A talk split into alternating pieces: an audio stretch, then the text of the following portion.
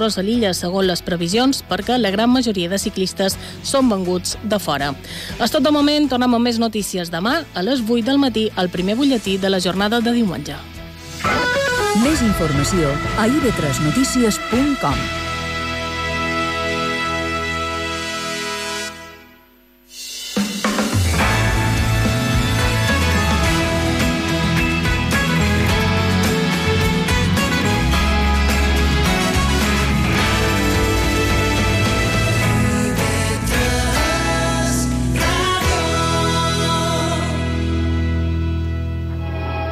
Viento del este y niebla gris anuncian que viene lo que ha de venir. No me imagino que irá a suceder, mas lo que ahora pase ya pasó otra vez.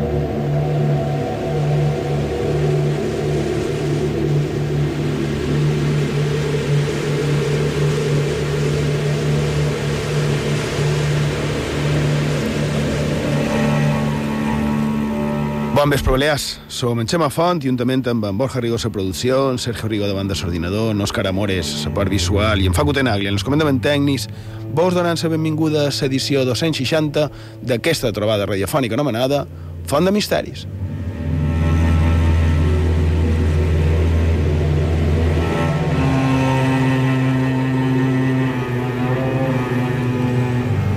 Borja Rigo, Sergio Rigo, bon vespre. Bon vespre, Xema. Bon vespre. un, un vespre més seguts en els micròfons d'IV3 Ràdio, acabant d'arribar de, de fer misteris per altres bandes, també. Misteris on fora, que diríem els que són de Palma. Uh, sí, exacte, però sempre dins les nostres illes. En Sergio encara no ha, no ha col·locat l'ordenador en marxa, ho dic per si no respon directament en els, en els missatges. I bé, uh, volia dir hi ha, hi ha una notícia que ha sortit a, a premsa que pens que ha passat massa desapercebuda. Uh, el titular diu és molt interessant, crec.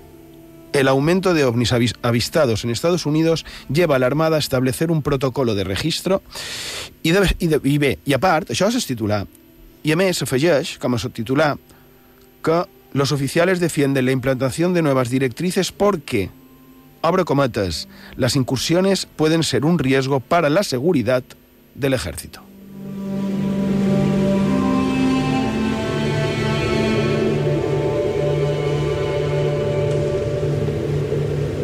I per què dic que, que ha passat massa de percebuda?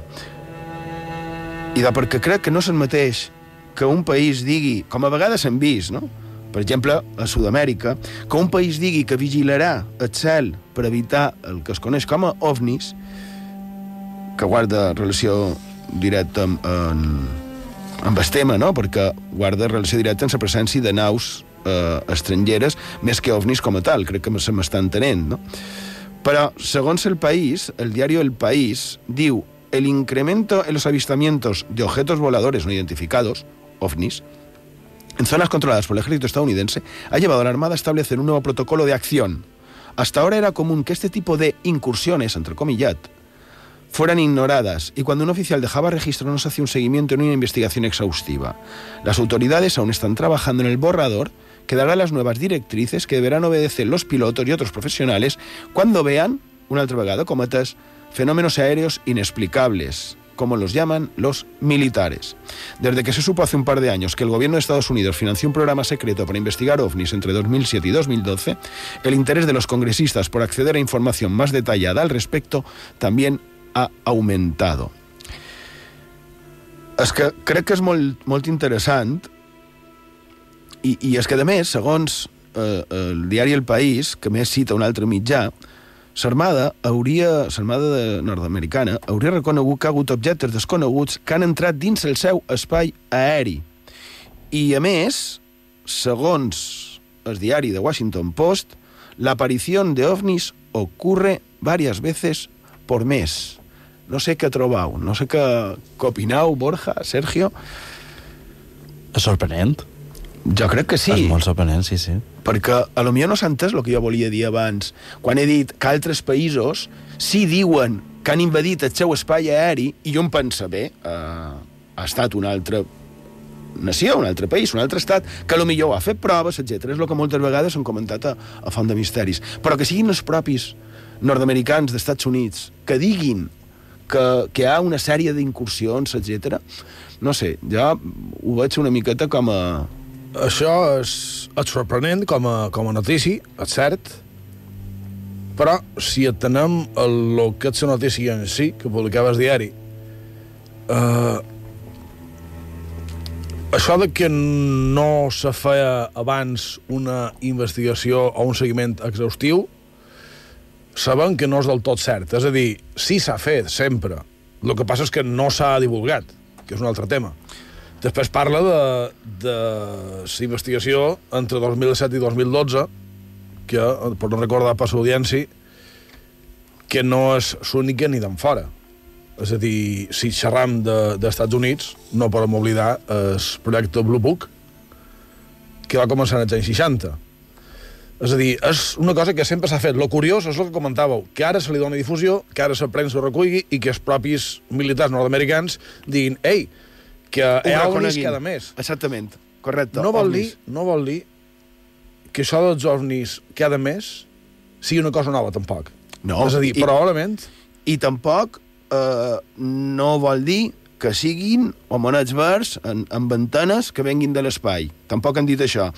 Però si els militars americans, que, vulguem o no, ho són, són una potència militar, si ells han gastat i gasten com ha tornat dient en Borja, una barbaritat de dobbers, de sous, en tractar de saber què és el que hi ha al darrere, i que inclús hi ha casos com, com aquest que diu eh, aquesta mateixa notícia, en uno de los vídeos a los que tuvo acceso The Times, se veía un objeto volante avistado en San Diego, California, California viajando contra vientos de más de 200 kilómetros por hora.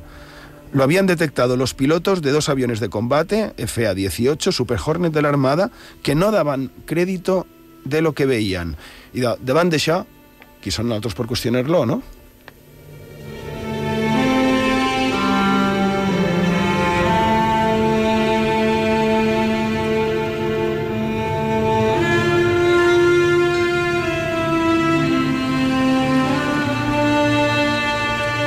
Anem a una altra cosa. Des de Font de Misteris aplaudim la iniciativa de la Sau de Mallorca de tornar a obrir les seves terrasses en el públic. És una visita que només val 12 euros i que val la pena. Però és que, a més, per nosaltres, pel que som residents a les Illes Balears, la visita és gratuïta. I crec, no, no ho crec, sé, estic segur, estem segurs que val la pena visitar-la i més si mos donen eh, aquestes facilitats, no? encara amb més motiu. Crec que estareu d'acord i l'audiència no ten dubte de que també hi estirà en què és una visita obligada. Val la és a pena, dir, no? encara que sigui pagant.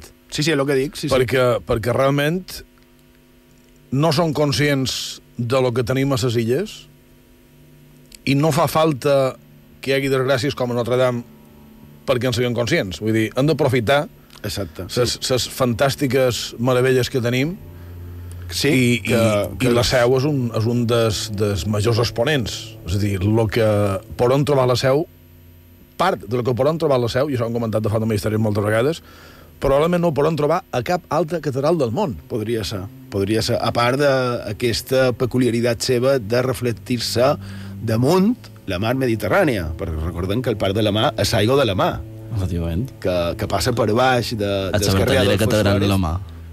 És l'autèntica, la vertadera, perquè la vertadera perquè té es, es reflexa com toca.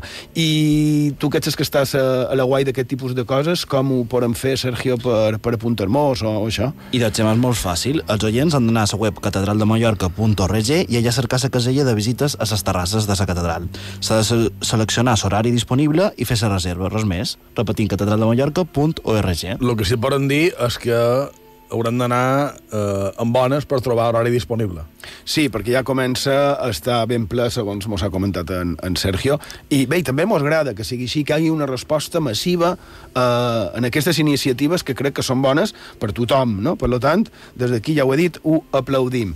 I jo crec, Sergio, que podrien anar fent sumari i començar, tal vegada. I el Xema, el- perquè són i quart. Sí, efectivament, avui a Font de Misteris, en aquesta edició 260 del programa, dedicam el nostre espai a xerrar del vent. Quines històries coneixem, quins misteris i llegendes estan relacionades amb el vent, quines propietats pot tenir el vent. I ja ho sabeu, si us voleu fer arribar els vostres missatges, ho podeu fer de diferents formes, a través de Facebook i Twitter, cercant Font de Misteris, i emprant l'etiqueta Font de Misteris i B3. També a través del WhatsApp del programa. El número de contacte és 659 769 52. Ho repetim, 659 769 52. També el correu electrònic fontdemisteris arroba ib3radio.com o Instagram cercant Font de Misteris IB3. I per acabar, també ho recordàvem, podeu escoltar tots els nostres programes en el servei a la carta d'IB3, a ib3radio.com, a ivox.com i a fontdemisteris.com.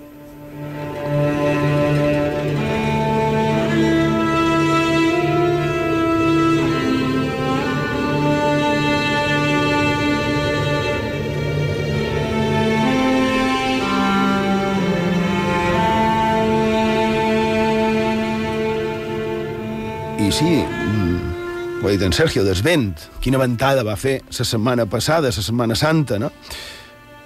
No es pot comparar amb els temps que va fer altres Setmanes Santes, perquè cada any la Setmana Santa canvia de dia, ja sabeu. La manera de determinar quan serà Setmana Santa es basa en les llunes plenes, no? Però sí que va cridar l'atenció el vent que va fer i, i que va bufar un parell de, de dies, però tampoc ens hem d'estranyar, no? No, no, és, no és cap novetat.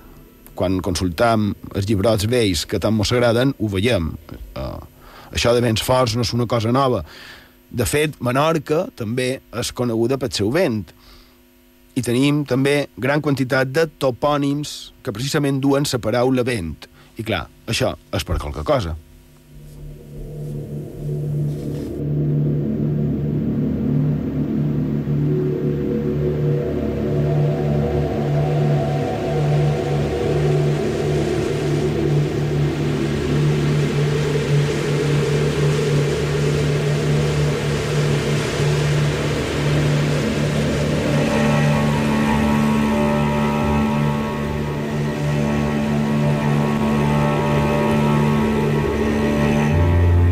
Fent una ullada cap enrere ens adonam de la quantitat d'historietes, de misteris i semblants que hi ha relacionats precisament amb el vent. No? I per això, com, com has dit, Sergio, la nostra idea és dedicar-li el programa a parlar del vent dins les nostres illes, però, clar, com sempre, dins el nostre punt de vista, no? dins la particular visió, podríem dir, de Font de Misteris.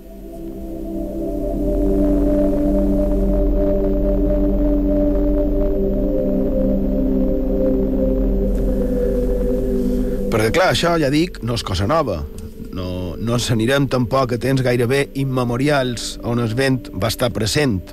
Vents que portaven la desgràcia, eh? com a Mesopotàmia, quan fa de més 4.000 anys, i segons els seus propis testimonis, sa, allò que varen anomenar el mal vent va arrasar tota la seva civilització. Val?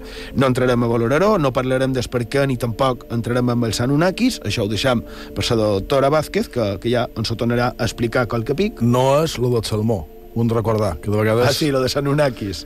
No, els Anunnakis és, és uns, són uns personatges en, en, sí, eh, relacionats amb les deïtats mesopotàmiques. Anar més a prop en el temps també a l'espai, i és que el vent està present també dins les desgràcies patides per les nostres illes al llarg del temps. Sense anar més lluny, sabíeu que la rossassa de la porta de la seu de Mallorca, eh, que hem comentat, i de, va caure per mort del vent?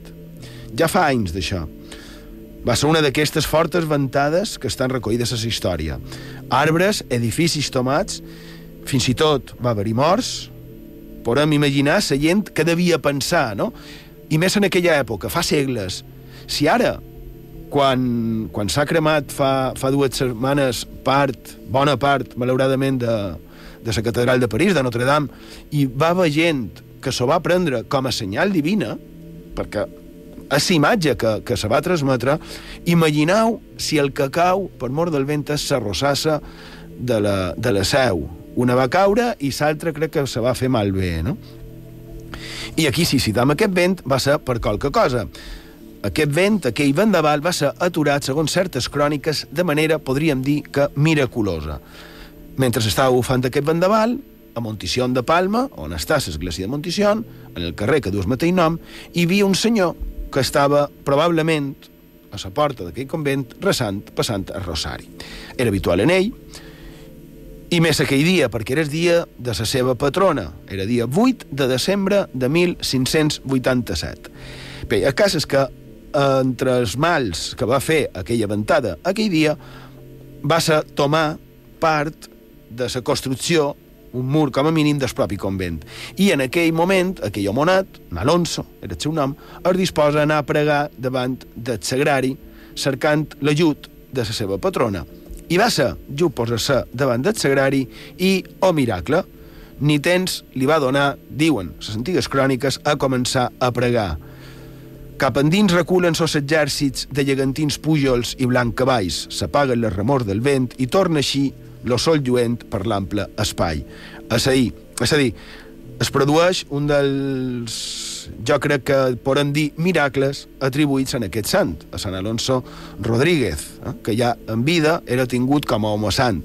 Eh, ja se pensava que era capaç de fer prodigis com aquest mateix, no?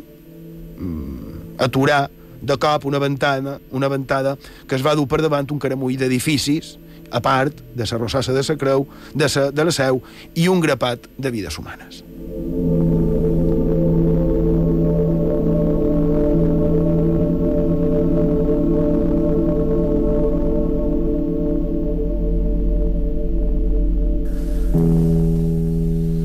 Sé si se podria afirmar, crec que no, però no sé si podria afirmar que sense aquell vent aquest Sant Alonso Rodríguez no seria tingut com a tan portentós, perquè això va ser en vida.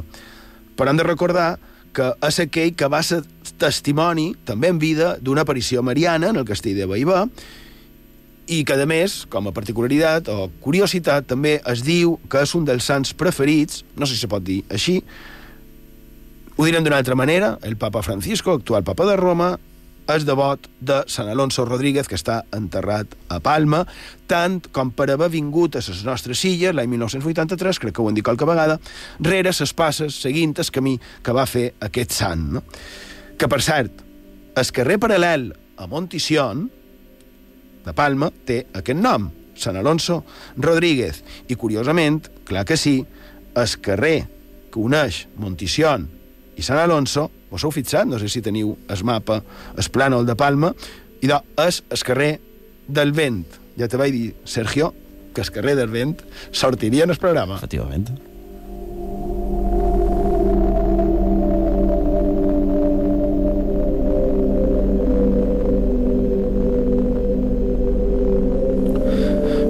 Que també, com sempre dius, Borja, sempre que passam per allà per motiu que sigui, ja sigui fent una, una passejada, ja sigui fent una ruta o el que sigui, aquest carrer té ben justificat eh, el seu nom. Sempre, sempre passa oratge. I, I, a més, com, com està associat a una, a una història molt simpàtica, és curiós perquè de vegades m'ha passat el Milmanco de contar la història i en aquell moment que no faci vent. També. Que pareix Sí, quan que... se sol contar no... No, no, no, sí, no, es fa produeix, és vera, Sí. és vera. Eh, Abans anava, anava a intervenir, t'anava a remugar un poquet, perquè des d'això de Sant Alonso, de que potser no hagués estat tingut per tant sant, però després he vist que ja has afegit més coses i ja no he dit res. Clar, però, eh, Però- però... Un, un sant per ser sant ha de tenir un cúmul de situacions, però en vida és més estrany. I en va fer molts. Sí, en va fer molts. Moltíssims. És un dels que es té... No fa, no fa gaire programes, fèiem, no sé si recordar, una espècie de rànquing de, de més miraculosos. Sí.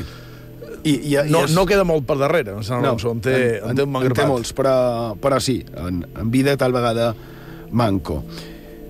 Mm, I bé, i també això eh, me recorda ara a un altre sant que també va demostrar la seva capacitat de fer miracles eh? En vida, també gràcies a el vent. Faig referència també molt ràpid a Sant Ramon de Penyafort. Aquest, que era confessor, assessor, conseller del rei en Jaume I, quan se conquesta, i estava en desacord amb ell en, en temes que res tenien a veure amb la conquesta, sinó més bé a coses de vida dissoluta. Eh? I, i el sant va amenaçar-li en partir de les illes cap a la península per mort de la vida que duia el rei, dones i coses així. Ben, així que el rei li diu que no, que no podria partir perquè havia donat ordre que cap vaixell de cap tipus el permetria pujar a bord, eh, en el que després, en Ramon de Penyafort, que després seria sant.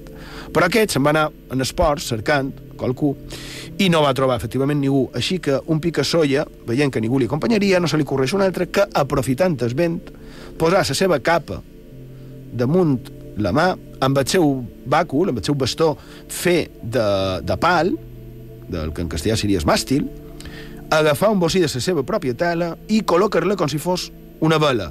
I en lloc d'enfonsar-se, que seria el més lògic i habitual, i de no, el vent suau i dolç se l'emporta en un viatge que, segons les cròniques, fins i tot podria haver estat més ràpid que amb els actuals vaixells, no direm quins, però amb els actuals vaixells. Podem dir que damunt unes 6 hores de viatge. Sí, exactament. O sigui, els, els més ràpids ho fan en manco, però eh, n'hi ha que no. I, I bé, i se'n va anar cap a Barcelona com si estigués directament fent surf.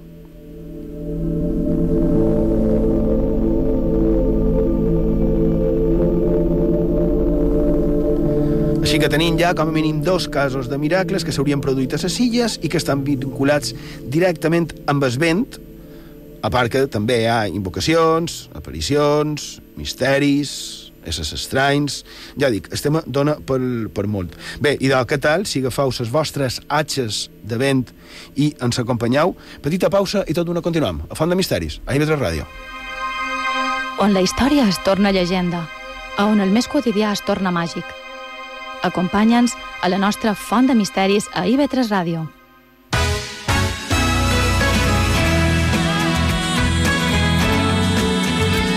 Escoltau la ràdio pública de les Illes Balears.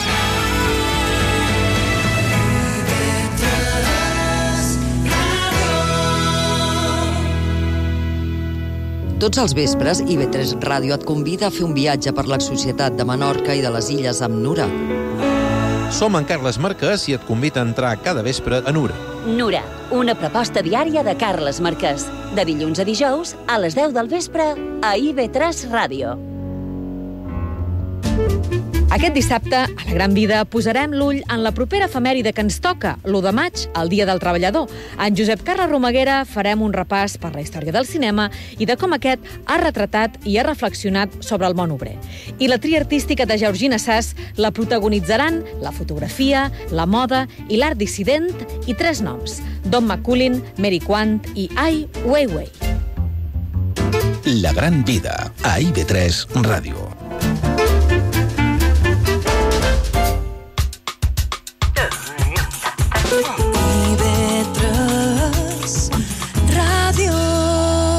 Es memòria.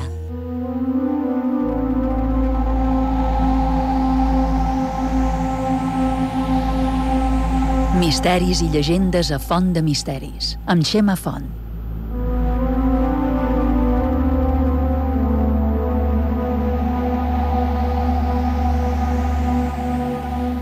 Seguim a Font de Misteris, a sintonia d'IV3 Ràdio, la ràdio pública de les Illes, i Sergio, si vols, mentre pots tornar a dir les formes de, de contacte, per si voleu comentar, opinar, o, o el que trobeu. I doncs podeu enviar tot allò que vulgueu, tant a Facebook com a Twitter, cercant Font de Misteris, també en el WhatsApp del programa, 659 769 52, i en el correu electrònic fontdemisteris arroba ib3radio.com. Bé, i el tema de, del programa d'avui, damunt del vent, resulta que quan fèrem el programa dedicat en els molins, en els molins de vent, diguérem que havien de fer un programa dedicat en el vent. Una cosa són els molins i l'altra és el propi vent. No? Perquè, clar, a mesura que se va preparant els programes, un va trobant coses, també va recordant coses també d'allò més inversemblant, sorprenents, curioses, i clar, el que toca és contar-ho. I just ara, abans d'aquesta petita pausa, hem dit el que se li atribueix a Sant Ramon de Penyafort, el miracle de travessar la Mediterrània només sense la seva capa i l'ajuda del vent, el mateix vent que pot temps abans havia bufat el suficientment fort com per fer que es pensés que es, que el propi rei en Jaume pensés que el seu estol s'enfonsaria i que fracassaria la seva, per alguns d'ells, no? la seva sagrada missió, i no va ser així.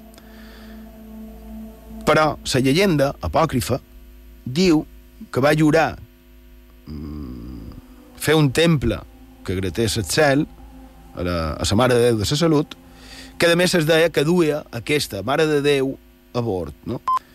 I diuen que quan va fer aquesta promesa, la tempesta mainà.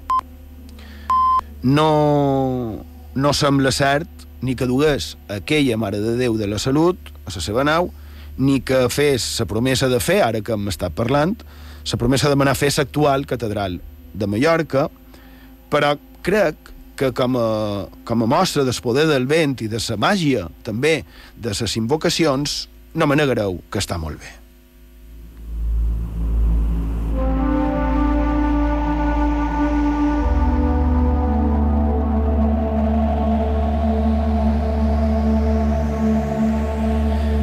I ja que estem en navegants, miracles i, i també clàssics no? de les nostres illes, Borja, tenies una d'aquestes historietes que, que també se troben en els vells llibres i que, i sé que sempre ho dic, però és que ho són, que són fascinants. Borja. Mira, sí, una...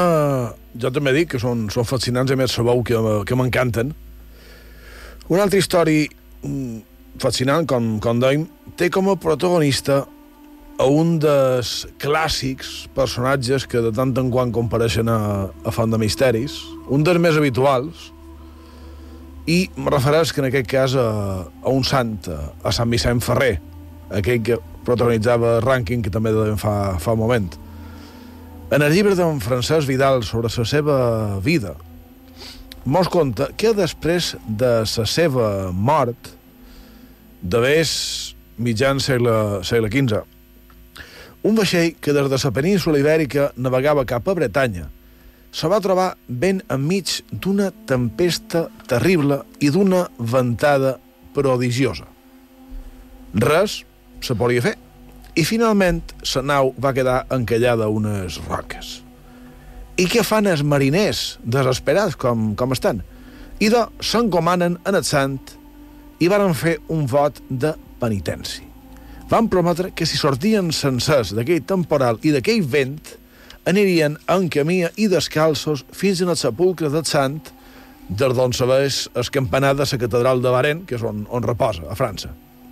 A l'instant de fer la promesa, quan, imagineu, el cel va aparèixer a meitat d'aquella ventada, d'aquell gran vendaval, un home vestit de blanc, que va anar descendint fins a arribar a l'altura de les veles del vaixell.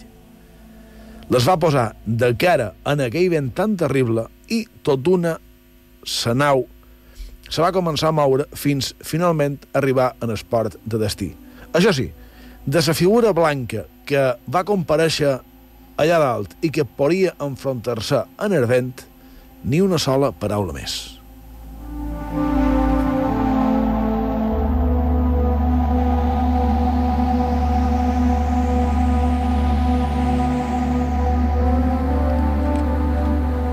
Ja sé que sempre ho relacionant tot, però ara no, no sé on he deixat la notícia aquesta que he dit en el començament. Aquí la tenc. Diu... És que m'ha sorprès per lo de la figura. Lo de, lo de... Viajando contra sí. vientos de más de 200 kilómetros por hora. Que bo. I ara, ara si voleu, podem establir aquesta relació, la, la comparació. Un cas d'ara, d'aquesta mateixa setmana, recollit de premsa, d'un objecte, un no sé què, que s'enfronta a vents terribles i, i ferotges. Una història del segle XV en els quals un ésser de blanc que si un ho pensa podria coincidir en les més modernes descripcions de tripulants de naus suposadament de, Sí. de procedència extraterrestre. És, molt, és molta gossarata. Tal qual. Dic que suposadament. Sí, sí, I dic suposadament. suposadament perquè estem en ventana. Ja m'enteneu? Sí, exactament. Bé, estàvem... No, deixeu fer. Estàvem en la mà, jo crec que podem seguir parlant de la re- relació directa entre el vent i la mà, val? Bé, si un cas no, millor dit, de l'intent dels éssers humans de tractar de controlar el vent pel seu propi benefici. No parlarem ni d'homonats blancs ni d'ovnis, en principi. Què es feia o es deixava de fer per tal d'aconseguir la benevolència del vent?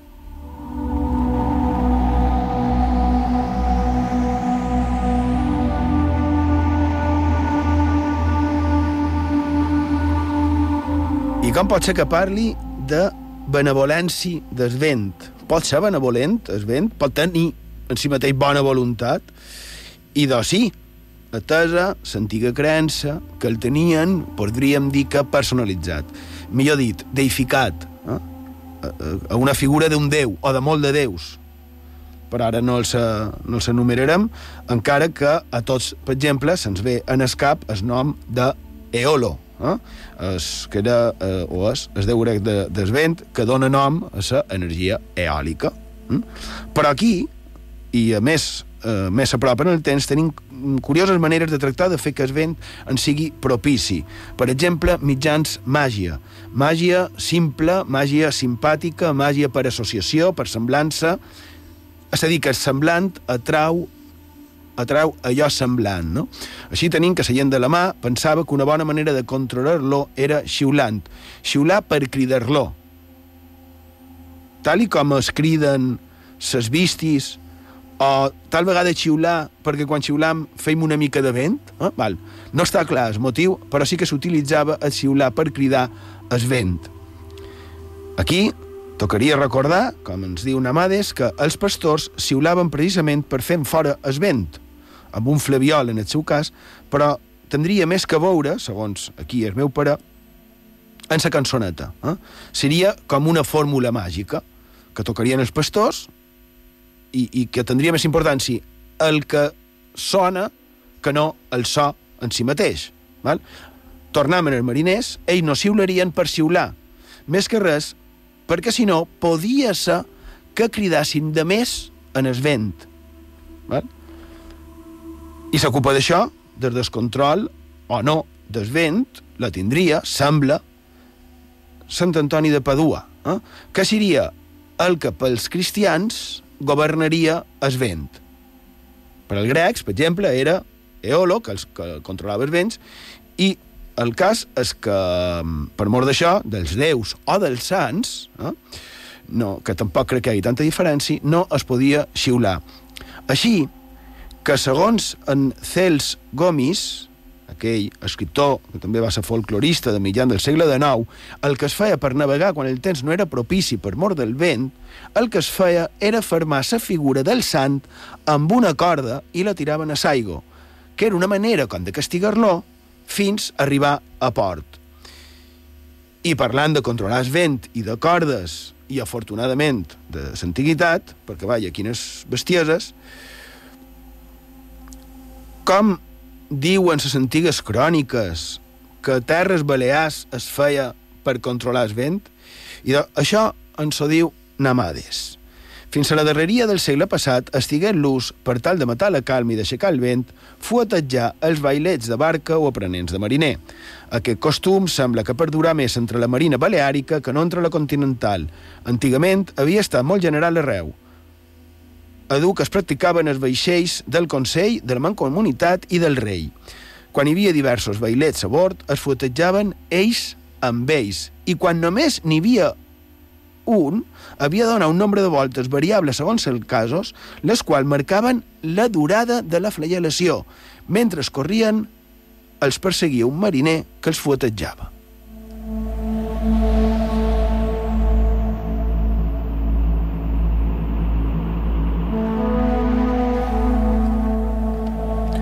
El més sorprenent d'això, d'aquesta bestiesa de fotejar en el més jove de la marineria, és que no era només una pràctica habitual a les nostres illes. Hi havia altres indrets que també ho tenien com a costum. I de fet era això, era com una costum.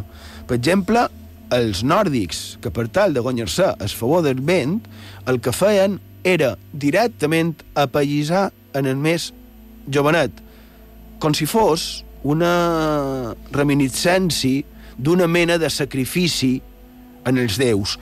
I el més curiós és que, relativament, clar, no fa tant d'això.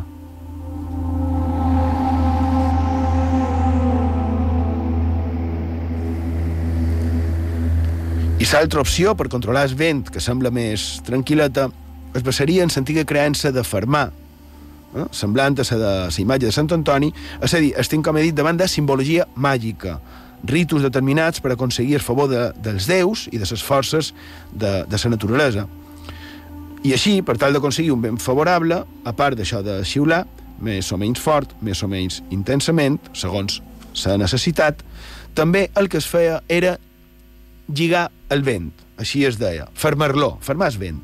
Així, abans de la popularització dels botons de la roba, els mariners ja duien botons per no confondre en els déus dels vents, perquè així no s'havien de fermar la roba. En lloc de dur jassets, duien els botons, s'embotonaven. I, a part d'això, el que feien era anar a bruixes i encissadores que subjectaven el vent en nussos fets damunt corda, les quals venien a bon preu a la gent de mà, que les duia a bord per proporcionar-se vent, tot de lligant-les, quan els hi convenia.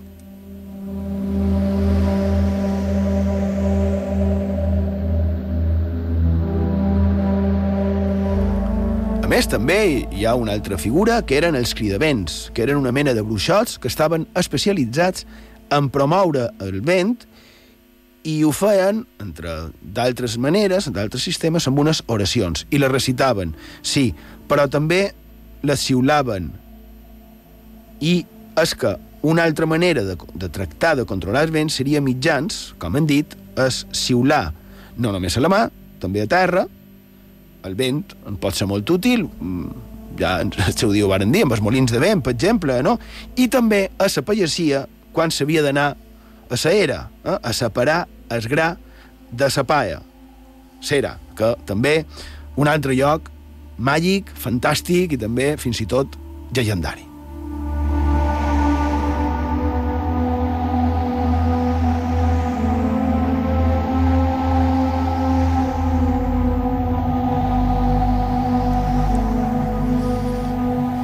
Bé, vaig consultar els, els sempre interessants i, i, i referents també llibres d'en de, Carlos Garrido, Mallorca Màgica, i en aquest cas, on vaig trobar sa, bé, vaig trobar la referència eh, en el Ciurell. Eh?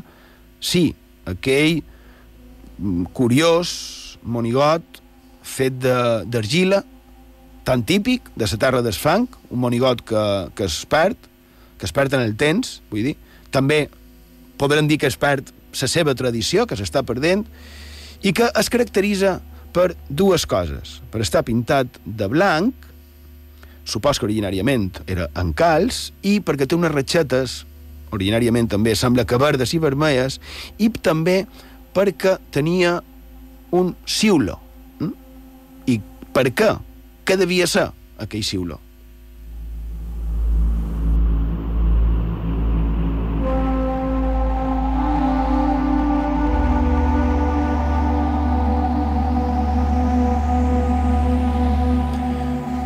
Què té que veure el Ciurell en tot això? I de qualque amic del programa, i, i ja també amic nostre, ens ha fet referència a les xarxes avui mateix damunt d'aquest tema. I de Pepazo, ara ve el tema del Ciurell. Deia lo d'en Garrido, i de seguint les seves indicacions, els seus apunts de, de llibre Mallorca Màgica, he consultat el llibre La diosa blanca, d'en Robert Graves, que ens ve a dir, a part d'una molt interessant i també digna de debat exposició damunt l'Advent i el Bon Jesús, l'Advent, eh, curiós també, el nom ad Advent, període religiós també, que en principi no tindria res a veure amb el tema d'avui. Eh? Bé, i a part ens parla de... Bé, millor crec que es llegirà directament. Uh, la diosa blanca volum primer, pàgina 124. En una etapa anterior de los misterios eleusinos anuales, el niño divino, hijo del sabio que vino del mar, era presentado por mistagogos vestidos como pastores para que lo adoraran los celebrantes.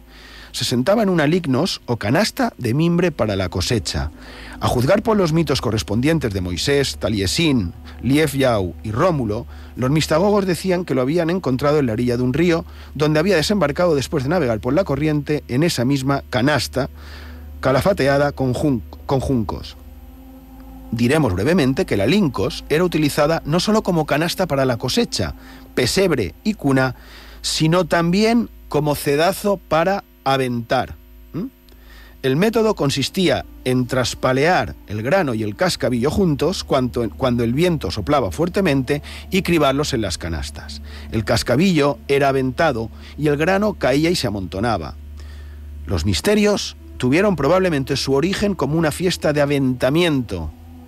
Aventar, aventamiento. Pues se realizaban algunas semanas después de la cosecha del trigo y cuando soplaban los vientos equinocciales. Una supervivencia interesante de esos misterios de la fiesta del aventamiento, y aquí ve, es el mallorquín siurey o silbato de arcilla blanca con decoraciones rojas y verdes y hecha a mano en las formas tradicionales de sirena, serpiente enroscada, hombre con cabeza de toro, mujer con falda larga y sombrero redondo acunando a un bebé en los brazos o con una flor en vez de un nene. La misma con un disco lunar coronado con cuernos de vaca, un hombre con alto sombrero puntiagudo y los brazos alzados en adoración, y un hombrecito cabalgando en un animal sin cuernos con las orejas aguzadas, patas largas y hocico muy corto. Figura con ramas de membrillo y de serva, en un festival eclesiástico que se realiza en la aldea de Bonanova, cerca de Palma, es un barri, esa Bonanova es un barri de Palma, cuando los aldeanos recorren una colina por la noche, el domingo siguiente al 12 de septiembre, entre paréntesis diu, la fiesta del nombre bendito de la Virgen María, eh, que aquí coneixem més com a Dulce Nombre de María, que que corresponde al 23 de septiembre del modo antiguo de computar el tiempo, la finalidad del silbato debió de ser originalmente inducir a los vientos aventadores del nordeste, los cuales, según el almanaque local, comienzan a soplar en esa estación y al final del mes traen del Océano Atlántico nubes de lluvia que empapan el trigo invernal sembrado anteriormente en el mes.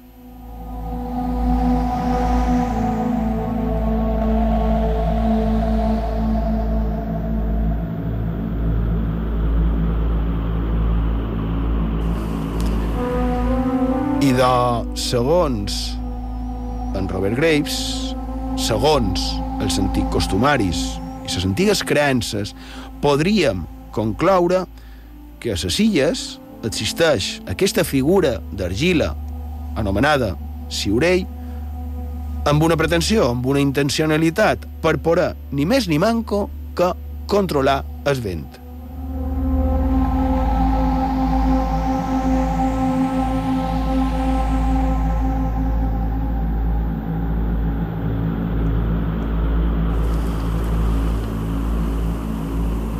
Ara, ara pensava, mentre, mentre escoltava aquesta història, quan de nosaltres i quan des que estan a l'altre costat? L'altre costat de... Sí, no, no de, desapareix electrònics. Correcte, no, ah. no fa referència en els, en els morts. Vale. Uh, quanta gent, ara mateix que mos escoltava, no ha tingut l'impuls o les ganes de agafar un xiurell i, i sentir en els, en els llavis el, el tacte de sa, de l'argila i fer-lo i fer sonar. És vera, aquell, aquell tact, aquell... Sí, sí aquell... És, és curiós. Sí, sí. El, el darrer ciurell que, que vaig aconseguir eh, salutacions eh, als fars de, de les nostres illes va ser un en forma de, de far de Portopí, molt simpàtic, d'una exposició que vàrem fer i, i que i que me'l va fer arribar d'ells. De, I bé, jo crec que actualment l'únic lloc on es manté això de fer ciurells és eh, a Mallorca, a l'illa de Mallorca, a Marratxí, a Pòrtol i a, i a la Cabaneta. Pot ser que qualque indret més se faci, estiria bé saber-ho. Eh, Sergio Rigo, podries dir, si qualcú sap, eh, si se fan també ciurells a altres bandes de les nostres illes o del món, Ara, ara comentaré una altra cosa del món. I els ciurells, podries dir el, el número de WhatsApp, que és el més, lo més fàcil, i, i el Facebook i aquestes coses. I de 659 16 69 52. Repetim, 659 16 69 52. Perquè això del ciurell ve de molt enrere en es, en els temps. Com se deia antigament, ve del temps dels moros, directament. Eh? I, I tant és així que sabeu a on es varen Destem dels moros, però com a, com a forma de dir, perquè realment serien no és musulman. No, clar. Segons no, autors com Rosselló Bordoi... Un momentet, diu, sí. un segon, ara arribarem a això. Val. Dic que és de tendes moros perquè és la manera que tenien antigament... Sí, l'expressió. De, de dir que és una cosa molt antiga, efectivament. Però és que fet... no confonguin que... Sí, però és que he fet un joc de paraules. Ahí està, ah. has, has estat molt viu. Perquè sabeu a on s'han trobat fent excavacions, ciurells, a les nostres illes, a Mallorca, se n'han trobat del segle XII i XIII, però hi ha una altra banda on s'han trobat també fent excavacions qualque cosa molt semblant en els ciurells. I sabeu a bon estat? No. I de ni més ni manco que a l'Alhambra de Granada.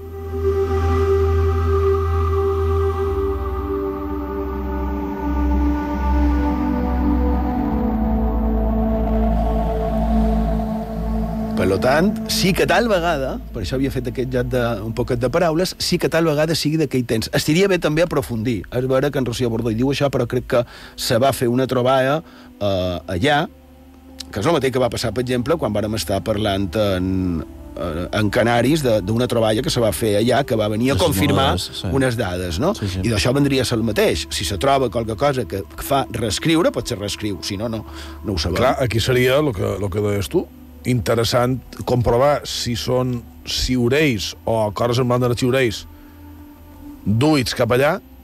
Ah, clar. Això és el que s'hauria de saber. Originaris d'allà que van venir cap aquí. I si verdader... que no, perquè pressuposàvem això, que, que són més antics. I si verdaderament era això, o simplement eren unes joguines que us semblaven, no ho sé. En, en qualsevol cas, jo crec que és, també és obligat es, es dir que la visita a l'Alhambra és necessària. Obligatòria. Obligatòria. És que necessària és obligatòria. I, i si me permeteu el comentari personal breu, si podeu anar i que no vos plogui, millor. Millor, eh? Millor. Sí, però bé, si un cas, farem un altre programa per veure com poden controlar les pluies. Avui estem parlant del vent i crec que val la pena seguir acabar un poc més amb el que diu en Graves. Eh? Recordem que aquest expert de renom, aquest escriptor, eh, poeta, però també expert en mitologia, va viure i morir precisament a Dellà, a la serra de Tramuntana, eh? Tramuntana, nom de vent, eh? a Silla de Mallorca. I de, referent a aquesta pràctica d'aventar es gra i sa paia per separar-los i, i també siular amb so, en so siurell també, no? per, per controlar el vent, diu damunt d'aquesta pràctica però esto se ha olvidado El aventamiento se hace ahora en Mallorca en cualquier momento después de la cosecha y no se celebra con fiestas de ninguna clase. La sirena representa evidentemente a Daeria, Afrodita, la madre luna de Eleusis, el Dionisio del cereal que aparece con ella en el Siurey de la mujer con el niño de pecho. El hombre con cabeza de toro es Dioniso en la edad viril, el hombre con sombrero es un tutor o gran máscara. El pequeño jinete es probable que sea también Dioniso pero la especie de su alta cabalgadura es indeterminada. Las ramas de membrillo y de serva y la arcilla blanca son también en honor de la diosa, ahora invocada como Virgen María. La serpiente es el viento mismo, puesto que este es el único momento del año en que el viento es bien acogido por los mallorquinos, quienes, por ser principalmente arboricultores, temen al siroco como al diablo. Dicen que la bolsa del granjero cuelga de la rama de un árbol. En la isla no se oye el sonido del silbato más que en la estación del Siurell. Atavisme del més pur i autèntic. Ja ho.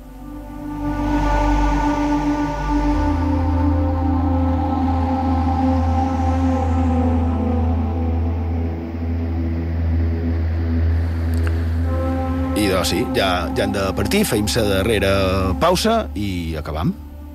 Xema Font.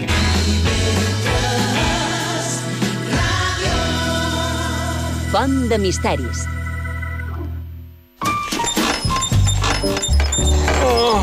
quedat en Galavernat Maria.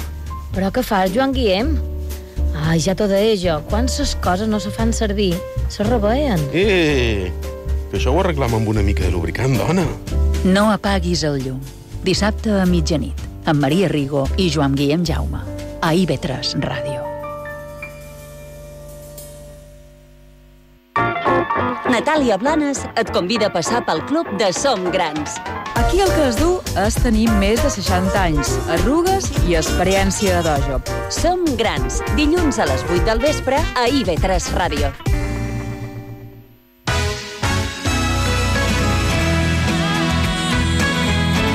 Mallorca escoltau IB3 Ràdio al 106.8 de la FM.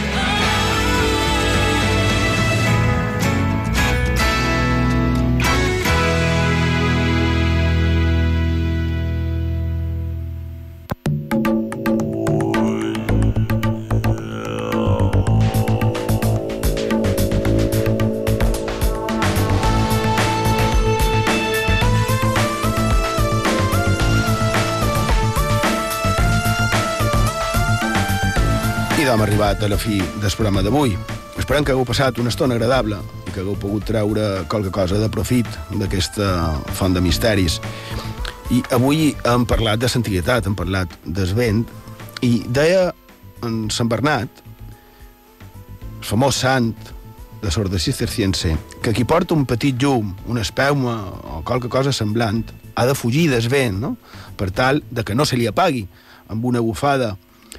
Però, per l'altra banda, quines coses, també deia Sant Bernat, que quan un porta una gran torxa, que aquí es coneix com a atxes de vent, quan un va ben il·luminat, aquell mateix vent, aquell vent que bufa, és el que fa fer encara més llum. No? Com a utopia de gairebé la mitjanit del dissabte i 3 Ràdio, estaria bé que tractessin de fer que les nostres torxes siguin grosses i fer-ho mitjans la l'implicació, la feina, el respecte i també els somnis. Sí, també els somnis, i entre aquests somnis somiar que un món, un món, una, una societat millor és possible. A més, és la primera passa per fer que no s'apagui no? aquest, aquest llum. Així pot ser, veiem el nostre camí més il·luminat, amb més llum i més claredat, fent que els altres, aquells que no tenen les opcions per veure amb aquesta claredat, també puguin beneficiar-se fent, tractant de fer, com deia, una societat millor. Colca el vent salvatge, insisteix en la teva determinació, no et quedis en la indecisió. Dels Queen, Ride the Wild Wind, colca un vent salvatge. Agi Pau, bona nit, gràcies per la vostra companyia i fins la setmana que ve.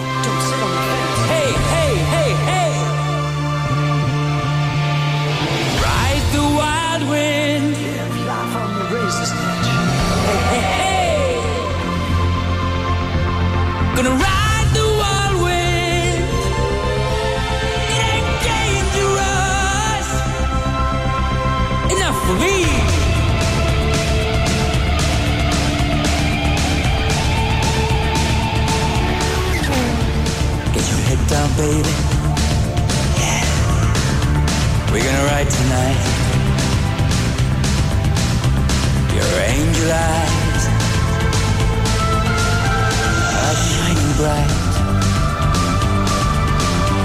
I wanna take your hand, lead you from this place. Gonna leave it all behind. Get out of this rat race. Ride the wild wind.